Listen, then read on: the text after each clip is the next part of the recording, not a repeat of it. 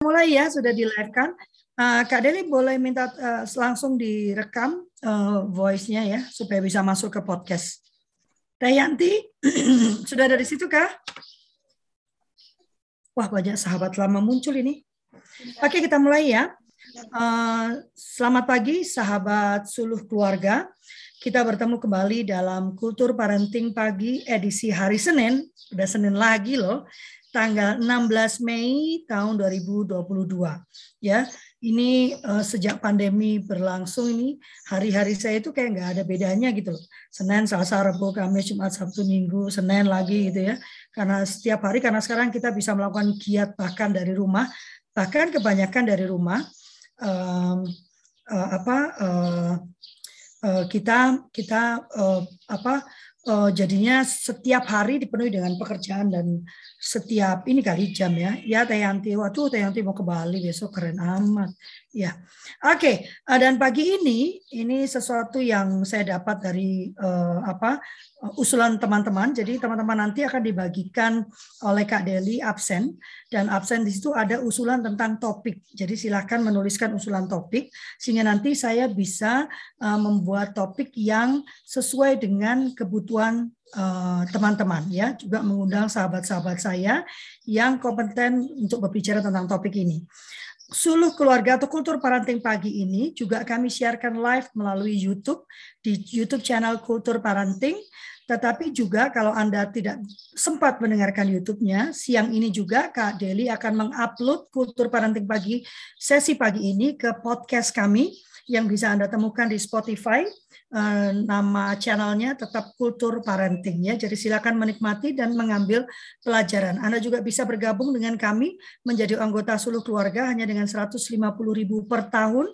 Anda mendapatkan 12 kali pertemuan parenting ya setiap Senin, Rabu dan Jumat ya eh, dan setelah mengikuti 8 kali minimum Anda mendapatkan sertifikat bulanan Selain itu, Anda juga mendapatkan diskon 20% untuk pelatihan-pelatihan yang kami selenggarakan.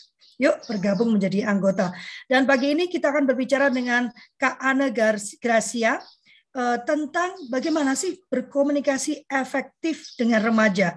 Alakah itu sudah sering dibicarakan. Kali ini Kak Ana akan meninjau dari sisi neuroscience ya, sehingga kita perlu melihat apa yang terjadi dan bisa me menyesuaikan komunikasi kita dengan kondisi uh, pada anak-anak kita. Silakan Kak Ana. Terima kasih Kak Lovely. Assalamualaikum warahmatullahi wabarakatuh. Selamat pagi, salam sejahtera buat rekan semua. Pagi hari ini uh, rasanya sudah sedang podcast, soalnya uh, hanya melihat wajah Kak Lovely, yang lainnya sedang tutup video.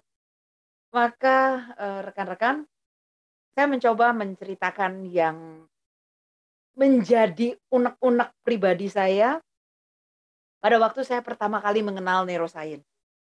Kurang lebih 12-13 tahun yang lalu, saya terjun ke neuroscience pada saat saya beraktivitas di salah satu provinsi di Indonesia dan aktivitas saya sebetulnya di bidang kesehatan awalnya karena saya konsultan untuk uh, hospital administration dan kemudian dalam kegiatan itu bergerak menuju pendampingan bagi sistem kesehatan dan sumber daya manusia kesehatan di salah satu daerah di Indonesia. Namun di daerah itu eh, waktu kerja selesai rata-rata jam 2. Selesai jam 2, halo Bu Chandra Dewi. Eh, selesai acara jam 2, itu kita boleh dibilang seperti acara bebas gitu ya. Jadi nggak seperti di banyak kota besar di Indonesia Gimana kalau kita bekerja tuh sampai jam 5 sore? Ini enggak, sampai jam 2. Habis jam 2 udah. Mereka kebanyakan pulang, bahkan masih ada yang tidur siang gitu ya. Lalu sore udah acara komunitas, acara masyarakat. Maka saya melibatkan diri di acara masyarakat, mencoba membantu ibu-ibu di bidang kesehatan awalnya dengan gerakan untuk mensosialisasikan tentang kanker. Pada salah satu kesempatan saya diminta untuk menyelenggarakan pap smear oh dengan senang hati saya mencoba menggalang dari komunitas-komunitas dan relasi yang saya miliki untuk membawa aktivitas pap smear, melakukan donasi pap smear di daerah tersebut. Dan rekan-rekan, pada waktu pap smear itu saya membuat sebuah pengumuman bahwa yang mengikuti pap smear adalah mereka yang pernah, sudah pernah melakukan hubungan seksual.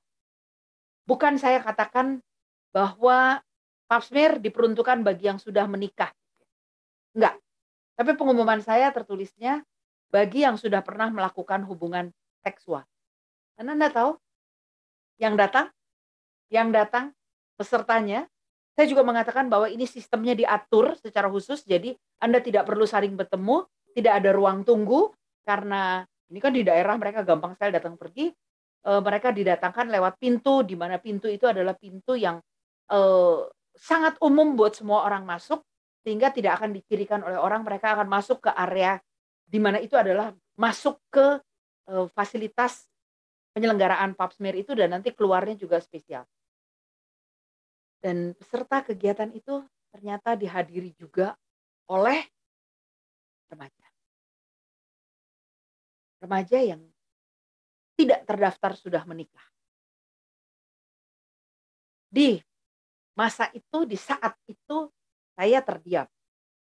Namun batin itu sungguh-sungguh bergejolak. Kondisi yang sejenis tidak hanya di daerah tersebut. Ketika kemudian bersama teman-teman yang saya ajak untuk melakukan kegiatan ini, kita perluas versi kita, kita perluas, gak gede, tapi perluasannya kita datang ke provinsi lain, kita menemukan situasi yang sama, waktu idenya adalah pengumuman pertama diperuntukkan bagi Anda yang sudah melakukan hubungan seksual tanpa memperdulikan usia, sebelum acara itu kami berikan juga uh, sosialisasi tentang perbedaan gejala tanda untuk mereka-mereka yang berpotensi mengalami infeksi human papilloma virus yang adalah cikal bakal kanker serviks. Dan kemudian kami mengatakan bahwa sistem diatur sedemikian sehingga Anda tidak bertemu dengan orang lain yang melakukan mereka muncul remaja kita. Dan kalau saya bermain database, dari 100% yang belum, bukan sudah cerai ya, belum menikah, belum menikah, dan terindikasi positif human papilloma virus, data kami 80 jelang 90. Saya sampai diminta mengulang oleh penanggung jawab, penanggung jawab kegiatan kami, seorang dokter dan dokter itu bukan dokter kebidanan, justru adalah dokter penyakit kanker. Karena ini data yang menakutkan dan jangan melebih-lebihkan. Siap. Saya pergi dengan menggunakan alat yang deteksinya namanya liquid liquid prep. Deteksinya itu lebih tinggi daripada menggunakan IVA. Karena tidak subjektif melihat perubahan pada daerah serviks, melainkan objektif mendapatkan sel hidup. Seperti kebun binatang. Remaja. Nah, rekan-rekan, kenapa remaja? Kalau kalau waktu itu kami kemudian berdiskusi dengan teman-teman psikolog yang juga mendukung, kita memperluas, kita mau memperluas pada anak-anak pria dengan menebutkan ada pertemuan. Dan bagi Anda yang sudah merokok, dipersilahkan datang. Karena akan ada sosialisasi. Atau ada game. Atau ada sesuatu yang membuat mereka datang. Ternyata remaja juga hadir. Ada di sana. Siapa remaja? Remaja adalah mereka-mereka yang berusia di antara harusnya 12 sampai 15 tahun. Itu prime time-nya remaja. Tapi ada yang disebut dengan prapuber dan ada yang disebut dengan remaja lanjut menjelang dewasa muda. Tapi prime time-nya ada di 12-15. Ada apa dengan prapuber? Prapuber itu ada di usia antara 9 jelang 12 yang kalau diukur dari fungsi kerja otak adalah fase di mana daerah midbrain itu mulai mempersiapkan proses hormon reproduksi. Hormon perkembangan sudah terjadi, tapi hormon reproduksi itu terjadi belakangan di usia prapuber. Dan dia dinyatakan puber, jadi tidak semua orang dinyatakan puber pada waktu yang sama secara fungsi otak, melainkan berbasis pada kehadiran hormon reproduksi. Dan kehadiran hormon reproduksi itu bukan berarti langsung langsung pada waktu hormon itu aktif dia aktif secara balance, tidak. Dia aktif untuk mencari posisinya dulu, membedakan pria dan wanita pada komposisi rasio progesteron estrogen. Dan pada wanita, hormon reproduksinya itu nanti akan terkombinasi lagi dengan persiapan untuk menghasilkan laktasi atau maka kerja otak yang pada usia dini 8 tahun ke bawah usia dini harus harus harus memiliki keterampilan dari kendali natural, kendali natural dari semua mamalia pada daerah emotion, refleks, daerah otak kecil, batang otak, dan area pengendalinya yang juga berada di midbrain ini di, dialihkan. Jadi bisa berganti-ganti, tuasnya bisa pindah-pindah tempat, persnelangnya bisa ganti-ganti posisi dari kendali natural di daerah limbik menjadi kendali di daerah frontal cortex, korteks otak besar. Karena pada waktu otak besar mengendalikan, maka otak besar menjadi aktif. Terjadi koneksi pada sel-sel saraf di otak besar yang nomor satu, nomor satu mengendalikan gerak kita. Jadi gerak kita bukan lagi gerak refleks, melainkan gerak yang ada tujuannya. Itu adalah bukti pertama kerja otak besar yang lalu berlanjut pada kemampuan pikir yang kognitif, yang kemudian kita lebih banyak kenal dengan logik. Maka bukti kedua bahwa kita mulai dikendalikan oleh kemampuan berpikir logik bukan lagi respon emosional. Jika di bawah 8 tahun fundamen itu tidak terbentuk, maka voila, usia remaja, kendali emosional akan membanjiri semua keputusan dan respon karena gerakan aktivitas function dari midbrain akan mulai merambah kembali dengan ledakan yang luar biasa. Sehubungan daerah tersebut bekerjalah di hormon reproduksi. Nah, rekan-rekan, pada fase itu, pada fase itu, semua rekaman otak yang merupakan rekaman emosional akan menonjol ke barisan depan. Nah, Anda ingat tidak? Anak itu semua orang nyebut spons. Anak. Anak loh ya. Atau kita tambahin deh, anak usia dini. Semua orang bilang spons. Mereka mirror, mereka mengcopy. Dan hasil itu semua direkam. Direkam di otaknya. Otak kita itu punya, wow, belum ada yang bisa nyebutin ya nggak sekedar uh, 8 megabyte, 16 megabyte, oh, enggak, enggak sekedar 2 tera, 16 tera. Waduh, belum ada ahli yang bisa menyebutkan seberapa besar kekuatan memori di otak kita karena ada memori awal identifikasi dari masuknya informasi lewat sistem sensor kita, tapi kemudian ada memori hasil olahan. Nah, loh, yang ada di memori anak-anak kita harusnya sudah terjadi perimbangan karena dia mencontoh orang dewasa di sekitarnya dengan memiliki memori-memori yang logik. Tetapi apa yang terjadi? Apa pun yang kita orang dewasa katakan, anak itu meniru every detail. Every detail. Detail apa? Our movement, gerakan kita. Bahkan gerakan yang halus anda pernah lihat ada anak yang cara tertawanya pun seperti ayahnya, yang mungkin hanya separuh bibirnya yang kelihatan aktif. Separuh bibirnya aja yang aktif tuh, ya. Atau hanya satu alisnya yang diangkat. Gimana? Nah, ya. Ada. Dan gaya bicara, intonasi bicara.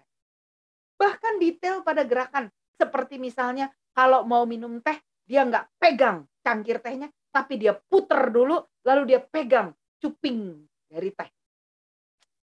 Anak meniru. Dan habit itu juga ditiru. Ups, kalau Anda kemudian berkata sebagai orang tua, eh kok ada ah? Enggak, mana? Ada. Yang dari anak saya, saya nggak kenal. Bukan saya atau bukan suami saya. Hmm, interesting. Coba Anda urutkan kembali. Apakah ada periode anak Anda itu menyerap lebih banyak info dari bukan Anda berdua? Dari gurunya mungkin? Oh, itu terkenal sekali. Dari zaman ke zaman terkenal informasi bahwa anak ada yang punya guru idola. Maka guru itu yang akan dia rekam. Anak punya orang lain sebagai idola. Kakeknya kah? Neneknya kah? Tantenya? Omnya? Siapa pun. Ya. Bahkan, bahkan di zaman dahulu itu bintang film bisa jadi idola. Ditiru. Gaya rambutnya ditiru. Eh apalagi sekarang. Ternyata anak bisa mengidolakan sebuah tren bukan manusia. Dan itu dia tiru. Nah, seharus seharusnya keputusan yang dibangun itu top down. Logic control the emotion. Tapi kalau ternyata sepanjang perjalanan dia, contohnya yang dia lihat adalah ibunya yang kalau memutuskan, pokoknya kata mama, ayahnya yang memutuskan dengan no, Bapak udah bilang nih ya. Maka emosinya remaja ini akan menjadi emosi plus, plus, plus, plus. Karena ada kobaran dari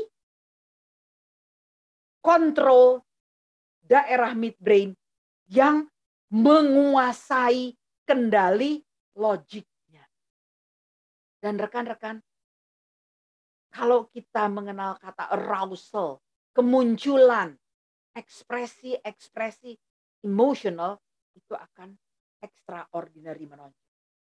Harusnya seorang anak usia dini itu memunculkan, harusnya ya, memunculkan tiga komponen calon, calon eksekutif function yang akan sangat optimal di otak korteks depan kita pada usia sekitar 20 Harusnya anak yang katanya 8 tahun itu 80% brain functionnya itu mulai terpicu. Bukan aktif total, tapi terpicu. Siap. Sinapsnya, koneksinya, kabelnya tuh minimal udah terbangun 2-3 lembar dah. Bahasa kasar saya gitu ya. Gak bisa dihitung persis. Tapi maksudnya sudah ada gitu loh koneksinya. Itu executive function. Yang harusnya menebal makin eksekutif mikirnya di usia remaja, makin tebal koneksinya ke daerah frontal, ke daerah korteks. Makin sanggup dia menguasai emosinya, makin tebal bagian frontal korteksnya. Tapi kalau itu tidak terjadi, anak tidak mendapat kesempatan untuk memutuskan apa yang mau dia lakukan, tapi selalu diberikan pilihan dan kemudian pilihan itu diambil lagi, diputuskan oleh orang sekitarnya dia tidak akan memiliki executive function. Dia tidak akan memiliki memori yang cukup buat apa gue punya memori. Toh nanti yang mutusin bukan saya. Mana? Kita mau beli donat atau mau beli stick? Hai, sudahlah. Kita berangkat sekarang. Kita ke tempatnya pizza. Lah, bagaimana? Bahkan nggak ada di dalam opsi gitu. Ya. Nah, apakah anak itu pernah satu tuh? Sabar, tunda, tunggu. Inhibitory control Pernah sabar, sabar itu waktunya pendek. Pernah tunda, tunda tuh waktunya panjang sekali. Pernah nunggu, nunggu tuh di tengah-tengah antara sabar dan tunda. Apakah pernah memiliki fleksibilitas? Fleksibilitas. Aturannya adalah kalau kamu keluar dari rumah, kamu mesti ganti baju. Pulang dari rumah mesti ganti baju. Tapi kemudian muncullah fleksibilitas. Ya elah keluar rumahnya cuma di halaman. Ngapain ganti baju gitu loh, kotor juga belum. Ya. mental fleksibilitas. Saya marah sekali sama dia. Tapi saya kemudian berpikir, aha, berpikir, berpikir bahwa dia tidak melakukannya itu on purpose. Dia nggak sengaja. Maka marahnya saya berubah jadi saya kasihan sama dia. Mampu nggak? Kalau anak-anak kita nggak pernah mampu seperti itu, itu jangan harapkan anak itu juga menjadi manusia dengan calon fungsi eksekutif yang cukup. So parents, who you are who we are. Jadi kalau kita melihat remaja, kita bercermin dulu. Karena anak kita adalah harusnya copy paste kita. Dan termasuk copy paste cara berpikir kita. Kecuali, kecuali memang anak itu diizinkan untuk berbeda. Anak itu receiver. Anak ya, receiver. Saya nggak bilang teenager. Anak. Anak itu receiver adult itu playmakernya. Jadi kalau mau tanya teenager itu siapa, basicnya anaknya siapa? Anaknya bagaimana dulu?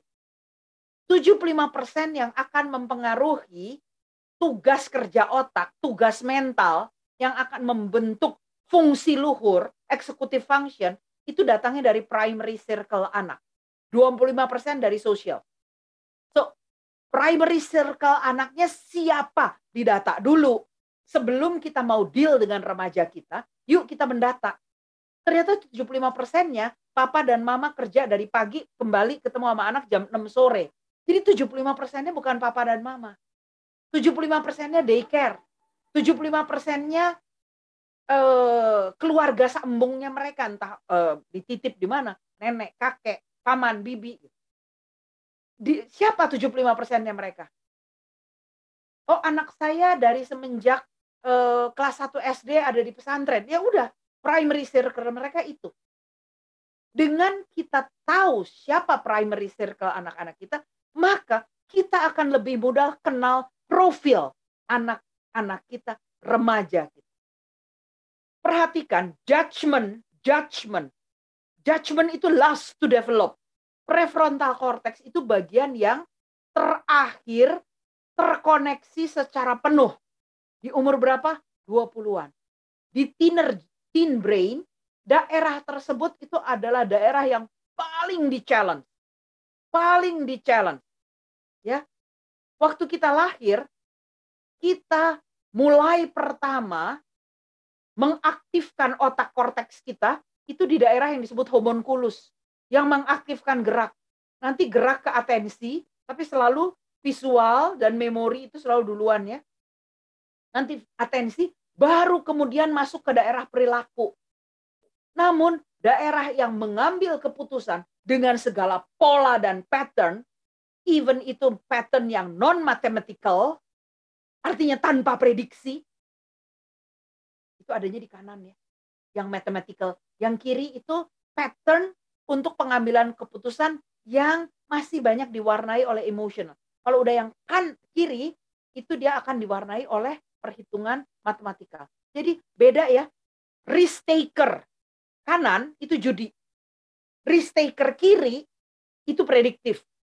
Orang yang main di saham, Anda ada bisa lihat, yang pemain maraton itu left brainernya menonjol pada risk taking. Jadi risk taking itu tidak selalu otak kanan, tapi otak kiri. Rekan-rekan, people center number one. Ingat itu. Dan empathy is the key itu semua bahasa konselor, motivator, uh, pendamping, coach selalu akan bilang empathy is the key. It is. Empathy is the key. Tapi empathy is not the major process. Catat itu, teman. Empathy boleh Anda jadikan gate, gerbang tapi jangan melakukan processing komunikasi dengan remaja dengan full emotion. Karena berarti Anda sedang bermain api. Bukan tidak mungkin Anda melempar bensin di api. Start with mature thinking. Bawa anak kita menuju ke frontal link, frontal pathway-nya. elemen key-nya justru be logic. Pernah nggak kalau ngomong sama anak kita itu bukan ikut kesulut emosi kita, tapi kita bicara sama dia 5W1 hanya. Kapan nak? Wow. Terus jadi gimana? Ada apa aja? Siapa? Wow. Lalu dia kenapa? Jadi kita kumpulin data, kita kita membiasakan komunikasi yang gate-nya, gate-nya emotion. Tapi sebetulnya gate itu sedang membuka investigasi data dan bertahap emotionnya dikurangi. Become together. Menjadi saya adalah your team untuk apa yang sedang dihadapi. Kalau tiga key element ini kita lakukan bersama remaja, rekan-rekan, we are not in control. Tapi kita, kita seperti orang yang sedang melamar kerja untuk boleh join the team. Siapa leader di tim itu? Si remaja. Kalau kita leadernya, maka kita sampai kapan pun akan menjadi poros untuk anak kita. Dan akibatnya anak kita tidak akan pernah siap lepas ke dunia bebas. Ini hati-hati dengan zaman kekinian yang risikonya tinggi, akibatnya kita memutuskan anak itu under our helicopter view. Semuanya ya, jadi pakai uh, fitur, fitur-fitur bahkan di laptopnya, di tabletnya, di handphonenya itu semua pengawasan. Parental controlnya itu tinggi. Emang salah bikin parental control? Tidak. Tapi saya mau tanya, seberapa jauh parental control itu digunakan untuk ngintip dengan untuk membatasi, tapi Anda nggak ikut campur? Kalau Anda masih sering ngintip, anda aja nggak percaya pada sistem itu. Eh, jadi parental control yang benar adalah memang tetap karena kita nggak bisa uh, membiarkan isu-isu itu masuk ke dalam pikiran anak kita yang belum siap gitu ya. Betul, parental control, tapi bukan ngintip ke aplikasi. Itu tetap kita jadi maling nantinya. Yang betul adalah parental controlnya jalan dengan anaknya kita komunikasi as a team. Biar dia yang cerita. Dan rekan-rekan, tugas kita adalah membawa mereka ke masa depan mereka dengan cara hidup hari ini. Tapi bukan mengajak mereka untuk hidup hari ini saja. Kita belum tentu bisa mengantar mereka habis sampai ke titik kesuksesan mereka. Kita yang pasti bisa mengantar pada hari-hari kita mendampinginya side by side. Anda tidak ingin anak perempuan Anda kemudian tidak bisa menjadi tim bagi suaminya bersahabat hingga hari tua mereka. Anda tidak mungkin membiarkan anak laki-laki Anda tidak sanggup menjadi kepala keluarga yang baik bagi keluarganya dan memimpin anak-anak mereka sendiri. Rekan-rekan, untuk menjadi orang tua bagi remaja, yang harus Anda lakukan adalah menjadi teman mereka dengan cara mengerti tentang batas emosi dan menggiring keputusan mereka dengan data yang logis. Jika kita sanggup mendampingi mereka, menarik, walaupun itu susah, tapi menarik tuas mereka sendiri oleh mereka dari emotion menjadi logik, maka kita nggak perlu tahu masalah. Kita nggak perlu terlibat di dalam masalah. Tapi kita tahu dia akan memutuskan dengan kemampuan berpikir yang dapat dipertanggungjawab. Satu tambahan adalah waktu kita sedang bercermin, apakah kita melihat kita pernah tidak hanya bicara, tapi mencontohkan rambu-rambu dan living by that. Kita sendiri hidup dengan rambu-rambu, norma, etik, adab, dan agama. Jika ya, no worry. Mungkin anak-anak kita nampak gejolak, tapi dia harus menjalani gejolak itu untuk sanggup belajar mengambil keputusan. Semoga itu membantu Anda sedikit di pagi hari yang luar biasa ini. Thank you, Kak Lovely. Wah, banyak banget ya. Nanti aku minta itunya ya, presentasinya ya, karena uh, pembelajaran tentang otak itu menarik sekali ya. Betapa amigdala itu yang bicara tentang emosi itu kecil banget spotnya ya, tapi dia bisa menguasai seluruh kehidupan karena kita. dia datang dan aktif paling dulu. Even ah. even waktu kita masih di dalam kandungan, structure hmm. dari midbrain include hmm. the amygdala itu sudah activate. Hmm. Maka emotion itu paling gampang diterima lewat hmm. semua sistem sensor. Itu Jadi, gateway. Dan yang menarik tadi itu kan bahwa uh, supaya amigdala itu uh, ganti-gantian sama frontal cortexnya tadi itu kan itu membutuhkan latihan ya. Jadi kayak di kayak kayak di practice practice latihan latihan gitu. Ya Dan ya, latihannya start by body brain connection. Bukan latihan dengan berpikir matematis, ber, hmm. berpikir logis. Body brain connection itu kayak apa? No, no, no, no. Kalau orang hilang kemampuan koneksi sama tubuhnya, imbalance, kehilangan keseimbangannya, emotionnya pasti nyala. Uh. Logiknya pasti hilang. Uh. Orang yang in pain, in pain, nyeri, gak enak, sakit, gitu ya, hilang logiknya. Yang nyala basic sistemnya, emotion. Uh. Itu memang disiapkan, itu memang ada. Tuhan itu luar biasa ya. Ada yang mau bertanya kah? Uh, ini menurut saya menarik sekali ya ini uh, banyak pembelajaran baru ya. Uh, uh, yang yang yang saya yang saya terima pagi ini ya. Uh, puji Tuhan nggak nggak nggak ini sih nggak meleset meleset banyak gitu kak Anda karena anak saya udah gede ya.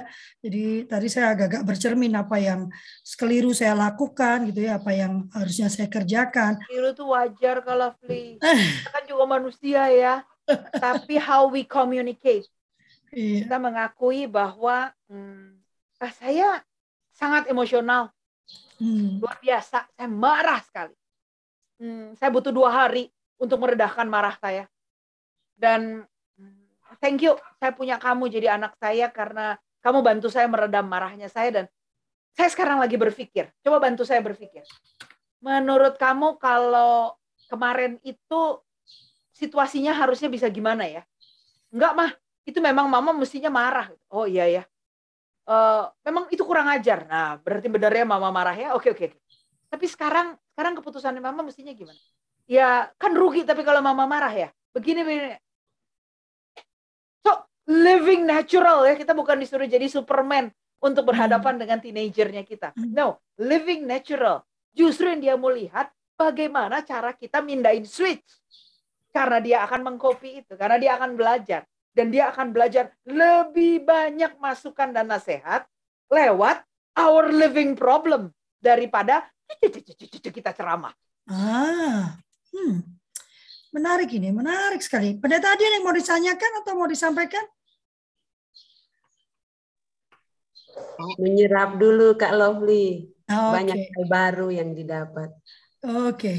Kak Erna, Kak Desi, Kak Cinta. Kak Cinta udah buka uh, Mike, silakan Kak Cinta. Uh, iya, uh, terima kasih banyak ya. Uh, mungkin saya yang saya mau nanya gini kan terkait dengan sistem kerja otak kalau nggak salah tadi saya saya ngikutinnya sambil nggak nggak terlalu fokus karena sambil handle yang lain ya. Jadi yang saya tangkap itu adalah sistem kerja otak itu bahkan dikatakan bahwa mulai dari dalam kandungan yang saya tahu seperti itu, yang saya tangkap seperti itu. Nah, bagaimana ketika terjadi ya pada contoh nih saya misalnya ya kan nggak tahu, kita kan nggak ngerti ya eh, bahwa sejak dalam kandungan itu sudah ada sistem kerja otak yang bisa mempengaruhi tumbuh kembang si kecil gitu. Nah, bagaimana ketika ini sudah terjadi hal-hal yang kurang baik uh, di masa-masa pertumbuhannya karena ketidakpemahaman. Nah, sehingga udah terjadi internalisasi yang cukup mempengaruhi tumbuh kembang si anak. Nah, yep. bagaimana kita bisa uh, apa ya Fri? Bagaimana mempengaruhi untuk bisa menghilangkan akar-akar pahit, mungkin bahasa saya, akar-akar pahit yang sudah terekam dan sudah ya. terinternalisasi di dalam kehidupan si anak ini. Gitu okay. di usia sampai dengan eh, delapan tahun tadi, ya. terkait dia ngelihat segala sesuatu yang mungkin itu mempengaruhi tumbuh kembang anak secara negatif. Itu okay. pertanyaan saya. Eh, pertanyaan sejuta umat nih Kak Anda kalau menurut kita Thank saya ya. Kita. Karena ini kan sesuatu yang baru buat kita ya. ya. Jadi waduh terlanjur. Coba bagaimana Kak Anda? No, no, no. Yang akan terjadi dalam kandungan itu dua. Yang hmm. pertama, kalau kita wanita itu kurang nutrisi. Ya, kurang gizi. Malnutrisi. Cikal bakal stunting tuh, topik-topik yang ngetop juga gitu ya jika kita wanita itu tidak peduli dengan nutrisi kita, hati-hati apalagi kita wanita itu haid tiap bulan ya. Hmm. Dan pada kondisi menikah itu kepengen tampil luar biasa, akibatnya kita diet extraordinary. Lalu ingin segera membuktikan bahwa kita itu berfungsi sebagai perempuan, langsung berusaha hamil. Belum sempat memperbaiki cadangan nutrisi kita, maka sering kali anak pertama itu bisa-bisa pembentukan struktur, struktur ya, organik barang dari keseluruhan tubuhnya termasuk otaknya memang punya masalah malnutrisi. Minimal mungil uh, kurang gitu ya dan tiga bulan pertama lalu kita uh, termasuk yang tidak sanggup mengendalikan hormon kita kita juga adalah yang eh, nggak uh, sampai bisa berhasil 50-50 kembali ke logik gitu ya. Jadi wa we wa we muntah setiap pagi, makan apa pun muntah, cium bau-bauan kita muntah dan itu tidak tertanggulangi berpotensi memang pembentukan otak pada cikal bakal pertamanya itu lemah. Jadi si otak punya fungsi yang lemah dan dia akan menurunkan lagi kendali emosi yang bisa override karena memang dia lemah. Bisa dikoreksi nggak? Allah tuh luar biasa. Ya, tanpa batas cintanya itu. Rekan-rekan, ada yang disebut dengan neuroplastisitas. Jadi, kita bisa mengkoreksi lewat pemberian nutrisi yang baik. Jadi, pada waktu kita ASI, itu memang kitanya lagi-lagi perempuan ini, ibu ini yang harus memperbaiki nutrisi dan memberikan ASI yang cukup. Jadi makannya kita mesti makan bermutu gitu ya. Tanpa melupakan aktivitas fisik supaya apa? supaya jangan apa yang kita makan cuma jadi gemuk doang gitu. Tapi kita bisa memberikan nutrisi yang bagus. Ini urusan baru nomor satu nih. Hmm. Nah ada yang kedua pada waktu dalam kandungan. Apa yang anda sebut tadi dengan uh, luka batin lah, akar pahit lah dan lain-lain. Itu adalah getaran debar jantung. Anak belum bisa visually melihat di dalam, tapi di dalam kandungan dia bisa bedakan uh, gelap terang karena sama seperti Anda sekarang menutup mata Anda, ya, itu kelopak mata kita akan memperlihatkan perbedaan gelap terang. Jadi sebetulnya kalau Anda tutup pejam mata, pejam mata sekarang itu nggak gelap loh. Malah cenderung warnanya agak merah. Karena kelopak mata kita penuh dengan kapiler darah. Ya. Nah, rekan-rekan, yang terutama membedakan untuk anak tentang pengalaman emosi ibunya itu adanya di detak jantung dan temperatur.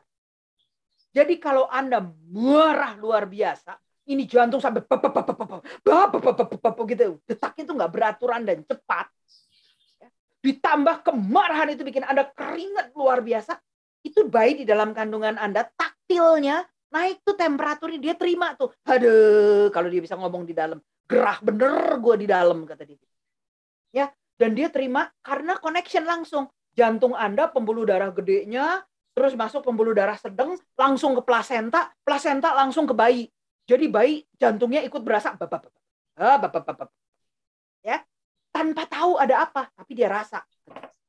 Habis itu pingsan kita perempuan, langsung detak jantungnya. Bep, bep, bep. Eh si bayi juga jadinya. Kenapa ini? Gue berubah nih. Itu terjadi. Habis itu perempuan ini ketakutan, ketakutan karena mau dipukul barangkali atau apa pengalaman-pengalaman yang tidak menyenangkan. Maka balik lagi debaran jantung yang aneh untuk si bayi. Nah, yang disimpan oleh bayi memorinya adalah emosi dari getaran. Jangan bilang bahwa emosi ibu lihat orang gitu terus pindah ke bayi kagak. Enggak. Tapi dengan uniknya manusia itu brainstem batang otaknya dengan sistem emosinya dia yang ada di eh, daerah tengah otak antara dua belahan otak ini rekan-rekan akan merupakan sistem pertama yang menyelamatkan yang Tuhan ciptakan untuk menyelamatkan makhluk hidup. Saya mesti sebut itu. Makhluk hidup artinya bukan cuman manusia, termasuk hewan. Coba aja cicak gitu, Anda sentuh, terus Anda tekan agak kencang uh, ekornya kalau kebetulan dapat. Soplok ekornya. Ya. Ada satu refleks unik yang dimiliki makhluk hidup. Namanya moro. Jadi lucu, bayi-bayi itu ya, dia suka gini tiba-tiba. Nah, lagi tidur gitu. Nanti matanya seperti kebuka bangun tapi nggak bangun. Nah. Ya. Kalau pengen bayi Anda hilang kagetannya gitu, tidurnya dimiringin. Terus selipin gulungan handuk supaya seperti peluk guling. Bayi-bayi kecil ya. Bayi-bayi kecil sekali yang baru beberapa hari pun boleh dimiringin. Gedean dikit lagi ditengkurepin. Kalau jadul ala jadul dibedong. Itu sebetulnya alat bantu untuk menekan supaya refleks tersebut pelan-pelan turun, turun aktivitasnya, tergantikan dengan membuka sistem sensor supaya tidak lagi perlu membentuk gerakan kejutan itu membuang semua kemungkinan bahaya yang ada di sekitarnya. Namun gerbang infonya yang dibuka sehingga kalau ada semut yang lewat baru kaget bangun. Kalau ada cuaca yang berubah, suara baru kaget bangun perubahan itu adalah perubahan pada sistem kerja otak. Nah, ini yang seru. Pada waktu sebuah peristiwa terjadi, detak jantungnya dia berubah menjadi irama mirip yang waktu dia terima dari ibu dalam kandungan. Ah, dia akan merespon seperti yang ketakutan, marah. Itu yang kemudian dihubungkan secara psikologis dengan istilah luka batin, traumatized. Infant, ya, baby, embrio, traumatized. Jadi dia udah traumanya dari dalam kandungan. Jadi yang traumanya getaran. Perubahan pada waktu dia merasa tergoncang karena dalam perut itu kan bayi dalam cairan ketuban ya. Wah kalau ibunya lagi lari kan kucak-kucak dong dianya ya. Nah, jadi kalau dia mengalami sesuatu yang wah ini berubah tidak stabil, maka anak-anak ini merasa tidak nyaman dinaikin di roller coaster. Nggak nyaman mereka. Karena detak jantung mereka dan getaran di tubuh ini uncomfortable, imbalance, itu ngebangunin sinyal something wrong. Tapi kalau ditanya apa masalahnya, nggak tahu. Mau dikorek-korek ke pengalaman orang tuanya, pohon keluarga, dan lain-lain. Nyiksa sebetulnya buat anak, karena pertanyaan itu justru nanamin memori. Yang tadinya nggak ada di memori dia. Jadi berhati-hatilah menjadi konselor bagi luka batin. Jangan kita malah nanemin info. Kalau kita nggak terampil menjadi investigator yang bisa membuat pertanyaan yang terbuka tanpa ada menambah menambahkan kepada memori orang itu isu, data, subjek, objek, itu baru konselor, coach yang benar. Tapi kalau kita ngomong, terus kita kebablasan ngomongnya gitu mulai mencontoh-contohkan. Eh, kita lagi nanamin memori. Dan sadar atau tidak, sadar bisa aja. Tapi lebih banyak yang tidak sadarnya. Lalu merasa bahwa iya itu memorinya dia. Padahal mah kagak. Hmm. Bayi nggak nyimpen memori itu.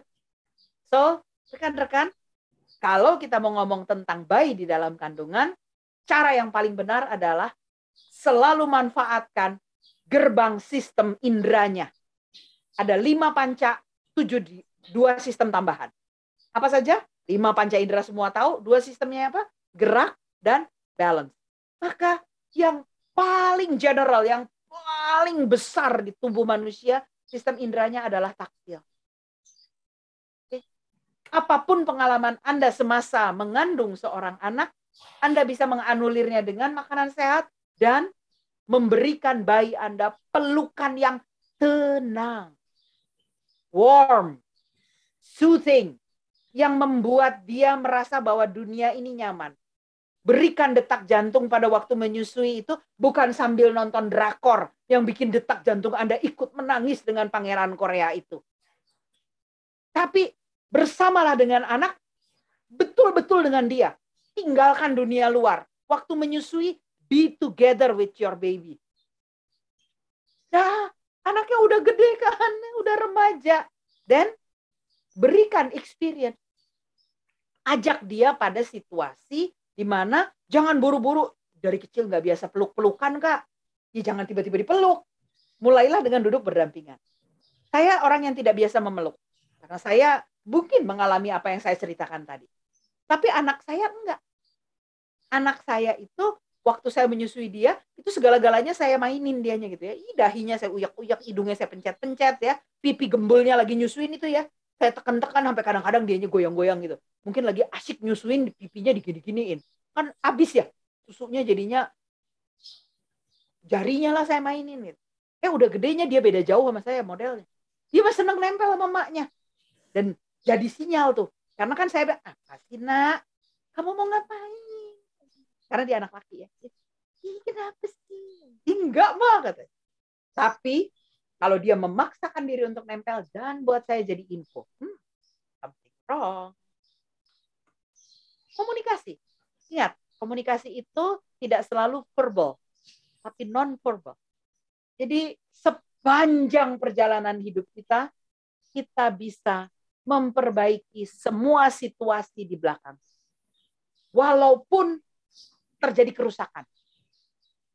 Kita mengalami sesuatu yang mengambil, mengambil, udah pernah bisa lihat, lalu penglihatan kita tidak berfungsi lagi. Still, kita bisa membangunkan sistem auditori dan taktil, menggantikan sistem visual. Hebat ya? Tuhan itu hebat. Jadi jangan lupa ada neuroplastisitas. Asal kita tidak menanam memori yang salah, maka mari berjalanlah terus bersama dengan remaja kita, be the team. Ya, ini ada pertanyaan berikutnya. Wow, sampai ini ya, sampai terpesona ya. Uh, Kak, saya tertarik soal body brain connection tadi. Saya seorang guru yang mengajar anak pra remaja dan remaja. Bagaimana mengajak anak untuk berpikir kritis dalam mengikuti pelajaran, sementara anak sedang dalam mood buruk. Mana yang lebih utama, pendekatan dari sisi komunikasi atau dengan cara mengajak anak melakukan aktivitas fisik untuk menarik minat dan semangatnya? Hmm. Uh, jika anak itu memang menunjukkan tanda-tanda fisik, satu tidak nyaman dengan posisi dia harus duduk. Itu dulu. Kalau soal belajar mengajar. Kunci dalam belajar mengajar kan kita mesti duduk ya. Kita mesti duduk. Eh, mengajar belajar kan nggak mungkin move around. Atau istilah teknisnya dia harus non lokomotor. Nggak move around. Ya, ini kita ngomong remaja ya. Hmm. Maka Anda lihat gimana cara dia duduknya. Atau barangkali Anda sudah punya memori, memang biasanya ini anak duduk kepalanya maju ke depan, badannya sludge gitu ya. Uh, ya, aku nih sekarang. Ya. Uh, jika kondisinya seperti itu, yes, brain body connectionnya mesti diperbaiki karena sistem kesehariannya dia sudah membuat tubuhnya makin lama makin letih dan letih itu akan membangunkan pain dan pain atau nyeri dari skala yang paling ringan pun akan membangunkan sistem alarm di otak dan makin banyak sistem alarm di otak itu terakumulasi, maka otak akan merespon dengan save your life. Hmm. Ya. Save your life. Dan hmm, sistem logiknya ya? pasti akan menurun. Jadi ya, kedua, kedua tidak hanya postur. Lihat anak dari ekspresi, temperatur dan taktil dia. Apakah wajahnya, bagian tubuhnya ada yang kelihatan cenderung memerah. Kemudian keringatnya berlebih. Jika iya, yes, koreksi dulu fisiknya. Caranya gampang banget. Ajakin aja dianya untuk basuh muka dan juga basuh di sekitar area eh, lipatannya dia. Ya, daerah lipatan itu misalnya adalah daerah lipatan eh, leher eh, siku. Itu dilap. Kalau itu bersih, biasanya anak akan kembali bisa fokus lagi. Nah, yang terakhir kalau memang bukan dari fisiknya dia, maka anak-anak yang punya kesulitan itu juga berpotensi kesulitannya di atensinya dia. Nah, kalau atensi itu lebih dalam, getting deeper. Mungkin masih brain body connection tapi dari balance sistemnya dia. Ya. Uh, terutama kalau kepala ini memang lebih maju dari badan, sistem pembuluh darahnya dia juga berpotensi sudah uh, bekerjanya tidak seoptimal kalau dia bisa tegak. So, oh. ya, itu perlu dapat perhatian. Tapi secondly, kemudian anak itu bisa dibangunkan konsentrasinya dengan satu tadi memperbaiki detak jantungnya juga oke. Jadi uh, perhatikan, ajak dia bicara karena detak jantung kita ketahuan lewat kecepatan kita bicara. Orang bisa bicara cepat, tapi artikulasi dan intonasinya bagus. Means oke. Okay. Tapi kalau ngeperepet, terus nadanya tinggi terus, hmm, detak jantungnya pasti ada masalah. Cooling them down. Hmm. Jadi memang kalau zaman dulu ya Bapak Ibu, apalagi Bapakku ya, dia paling paling rewel sama postur tubuh kan. Cara aku berjalan, cara aku berdiri ya, duduk tapi ya dengan cara yang enggak saya sarankan ya karena tangan dia tuh cepat banget tuh ke punggung tuh kalau cara berdiriku selagis gitu ya, pak gitu kan jadi kaget gitu kan. Kalau duduk gitu kan, makan gitu ya, itu tangan beliau itu cepet banget itu datangnya itu menghampirinya jadi kaget oh iya sehingga uh, sekarang pun mengganti posisi duduk itu jadi sesuatu yang penting buat aku ya karena mungkin ada kenangan tangan yang tiba-tiba blak namper di di punggung ya. Tapi itu positifnya kak. Iya. Yeah, positifnya yeah. adalah memori kita pada hmm. waktu punggung kita terasa capek, yang kita ingat besarnya tekanan yang kita terima yeah. untuk mengkoreksi. Jadi sebetulnya tidak berarti juga hal tersebut menyakiti. Yeah. Bukan tidak mungkin, bukan tidak mungkin. Banyak orang tua tanpa pengetahuan sains, dia kenal taktil anaknya. Hmm. Kalau anaknya itu dengan sentuhan tidak merespon, berarti dia hyposensitif taktil. Maka orang tua secara alamiah menambah besar tenaganya. Yeah. Anak belum merespon juga dia gedein lagi tenaganya. Yeah. Ya, selama itu tidak menimbulkan luka, tidak menimbulkan luka, sekedar merah, merah pun jangan cepat-cepat kita blame ourselves. Kalau anak itu karena udara yang berubah aja udah jadi merah, berarti memang permukaan epidermis kulitnya dia itu tipis tanpa pigmen sehingga waktu pembuluh darah dia membesar langsung merah. Jangan kita langsung merasa bersalah bahwa kita sudah memukul anak kita. So, nggak perlu sains terlalu berlebihan, tapi use your feeling, use your intuition. Ya, empatinya justru dipakai di situ. Kalau niatnya nggak menyakiti, lalu dia menjadi agak merah, ya cincai lah memang anak kita pigmennya nggak cukup banyak gitu ya. E, kemungkinan tepukan yang besar itu, kecuali dia menepuknya itu memang ada anger. Memang ada anger. Nah, kalau itu yes. Itu salah. Itu salah. Anak saya sendiri ini ya. Karena gemes sama kita, mm-hmm. karena dampak positifnya apa? Sampai kita tuek, kita ingat Ya, kalau tapi saya tidak menyarankan itu ya, karena itu tetap pelanggaran hak anak ya. Tapi yang saya lakukan karena anak saya juga hiposensitif ya, anak saya yang besar tuh hiposensitif. Jadi dia tidak merasakan sentuhan yang halus tuh dia tidak tidak terasa. Jadi yang saya lakukan tuh kenal profil anak kita dan jangan judgement. Iya. Jangan pernah saya, judgement. Ya, yang saya lakukan pada anak yang besar tuh memijat ya. Jadi kalau ada postur yang kurang benar tuh saya pijat dengan tekanan yang yang saya tahu ya. Jadi enggak, enggak. kalau bapak saya dulu kan langsung yang bak ya. Ya, kalau ini saya pijat ya dengan tekanan tekanan tertentu yang yang saya tahu itu buat dia itu dia sadar kehadiran sentuhan tuh dia sadar. Jadi kalau pada anak yang besar memang saya kayak kayak kasar ya saya peluk hmm, karena kalau nggak begitu dia enggak merasakan uh, taktilnya enggak muncul gitu dia enggak merasakan itu ya. Nih Kak Diana, ada dua pertanyaan lagi soalnya waktunya udah tinggal lima menit menit. Berarti Kak, ini bagaimana pendapat anak remaja ketika orang tua marah? Padahal kesalahan pada anak remaja dan meminta pertimbangannya sehingga remaja punya cara berpikir. Ya. Mana cara? Kalau memang dia yang salah, hmm. eh, tolong diingat, kita pun kalau salah, yang muncul pertama sebetulnya malu. Hmm. Malu adalah bagian dari ekspresi penyesalan.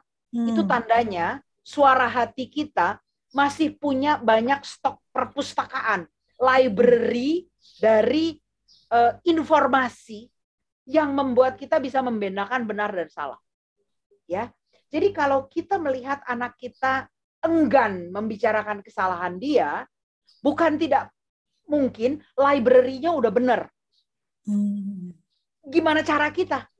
Kalau kita masih mendesak sampai harus sangat harus keluar kata maaf, hmm. mari kita ukur berapa kali ah. kesalahan-kesalahan itu terjadi. Hmm. Ya, kenapa cikal bakalnya itu terjadi? Apa yang membuat dia punya keputusan itu? Ada beberapa uh, keluarga yang kalau udah ngobrol sama saya dan orang tuanya mendorong anaknya untuk minta maaf, ternyata peristiwanya itu sepertinya peristiwa sehari-hari yang orang tuanya juga lakukan sebelumnya. Karena ah. anak-anak itu seolah sudah mau di ujung lidah dia tuh ngomong, kenapa gue mesti minta maaf? Mama papa juga begitu gitu. So kalau kita menghadapi anak-anak yang kita tahu melakukan kesalahan, yang pertama adalah deteksi dulu. Sebetulnya dia sadar atau tidak. Hmm. Ya, kalau dia tidak menunjukkan kesadarannya sama sekali, caranya taunya dari mana? Repetisi. Dia melakukan kesalahan yang sama dalam waktu yang sangat dekat. Kalau itu terjadi berarti dia belum tentu memiliki kepustakaan tentang benar dan salahnya peristiwa tersebut. Maka kita akan mendekati dia dan memberikan informasi dampak. Itu salah satu ya bahwa kita adalah teman yang ih kalau kamu gitu terus itu pendapat orang tentang kamu bisa jadi begini. Ah biarin aja. Hmm, tapi kan mungkin aja kamu butuh orang itu suatu hari. Enggak. E, kalau kamu nggak bisa pergi-pergi ke mana-mana dan hanya orang-orang ini yang ada di dekat kamu, kamu bikin kesalahan ini terlalu dekat. Udah, cukup sampai di situ. Jadi kita perlu menambahkan kepustakaan. Tapi kalau memang dia tidak menyadari, eh, dia sudah menyadari dan sudah malu, jangan di pressure ya sebaiknya ya. Hmm. Karena juga nggak ada manfaatnya. Hmm.